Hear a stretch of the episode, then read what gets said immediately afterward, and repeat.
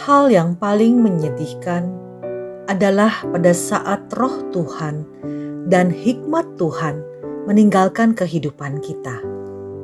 1 Samuel 16 ayat 14 berkata, Tetapi roh Tuhan telah mundur daripada Saul. Sepertinya hidup kita tetap berjalan seperti biasa. Walau sesungguhnya tidak tersambung lagi kepada sumber kehidupan itu sendiri. Makanya, banyak orang yang menjalani hidup tetapi terus saja melakukan hal-hal yang bertentangan dengan nuraninya, walaupun mereka terlihat baik-baik saja. Janganlah kita merasa iri pada kehidupan yang seperti itu, karena itu sama dengan pada saat kita melihat barang yang sudah expired ada di dalam parcel.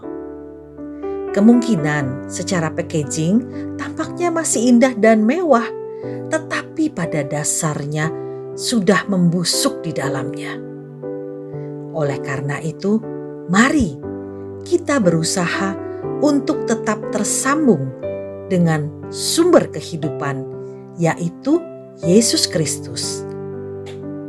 Untuk itu, hal yang paling utama adalah penuhi diri kita dengan firman-Nya dan belajarlah untuk mendapatkan kebenaran firman yang akan membukakan mata rohani kita. Jalanilah keintiman bersama Tuhan melalui doa dan firman dan dengarlah firman yang hidup itu menuntun, mengarahkan, dan menghibur kita melalui hati nurani maupun akal budi kita yang dicerahkan oleh kuasanya. Semakin kita memberi perhatian, maka suara firman tersebut akan semakin jelas. Karena itu adalah suara roh kudus yang mengingatkan kita. Yohanes 14 ayat 26 berkata,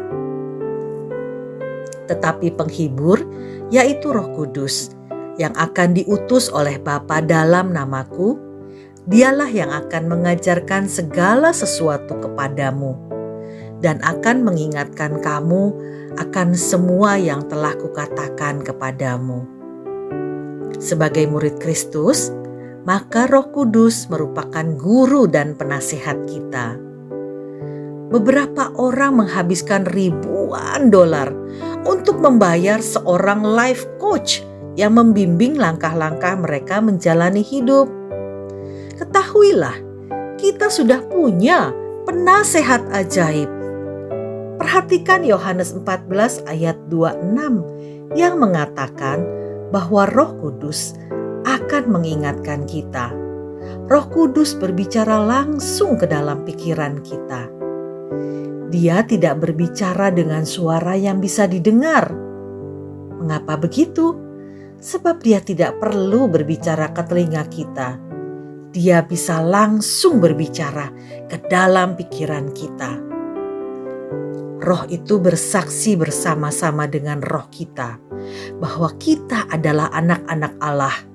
Roma 8 ayat 16.